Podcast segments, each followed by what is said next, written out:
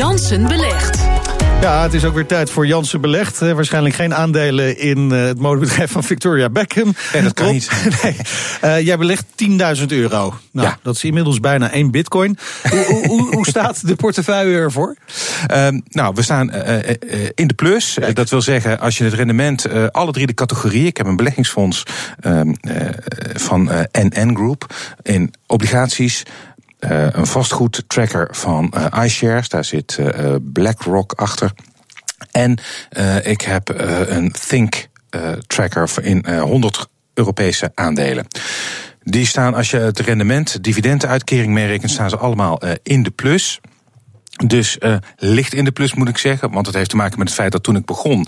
Van, ja, eh, je kan het wel blijven uitstellen, maar we gaan beginnen. En dat was dus zo halverwege. 12 mei heb ik de eerste eh, aankoop gedaan. Dat waren die aandelen. Toen stond op dat moment de AX op een top. En is daarna een tijdje Ja, naar beneden ja. gegaan. En we hebben dus die hele rit naar Dus je boven eerst goed maken. Om verlies, het dicht- moeten goed maken. Oh, ja, precies. Ja. o- Om dat dicht te fietsen. Maar goed, dat is wel nu een feit. Dus ja, we staan licht in de plus.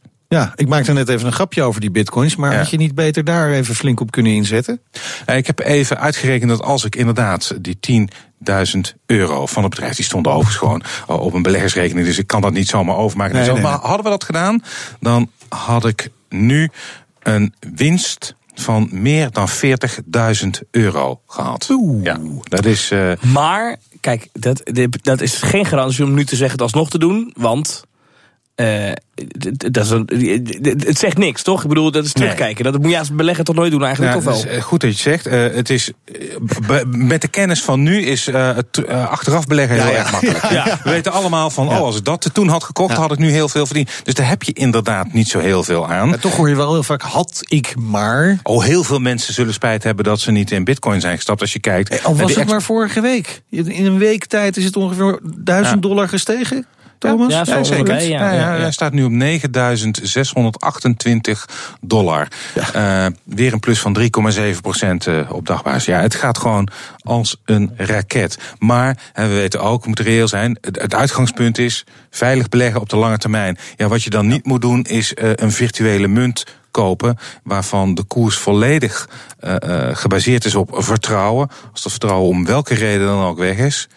Maar dat gaat om alle beleggingen, toch? Nee. Nou ja, kijk, bij, eh, kijk, Shell is een bedrijf dat olie verkoopt. Ja, ja. Unilever verkoopt eh, pakjes margarine en drafzeepjes. gewoon Dus daar, daar wordt concreet. Fysieke dingen. Precies, Oké, fysieke dingen.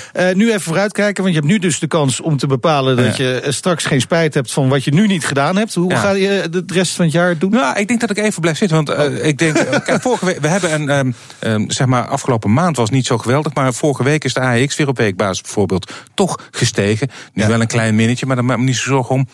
Ik ga ervan uit dat er nog wel een kleine eindejaarsrally komt. Oh, dus ik, eh, ik hou het nog even vast.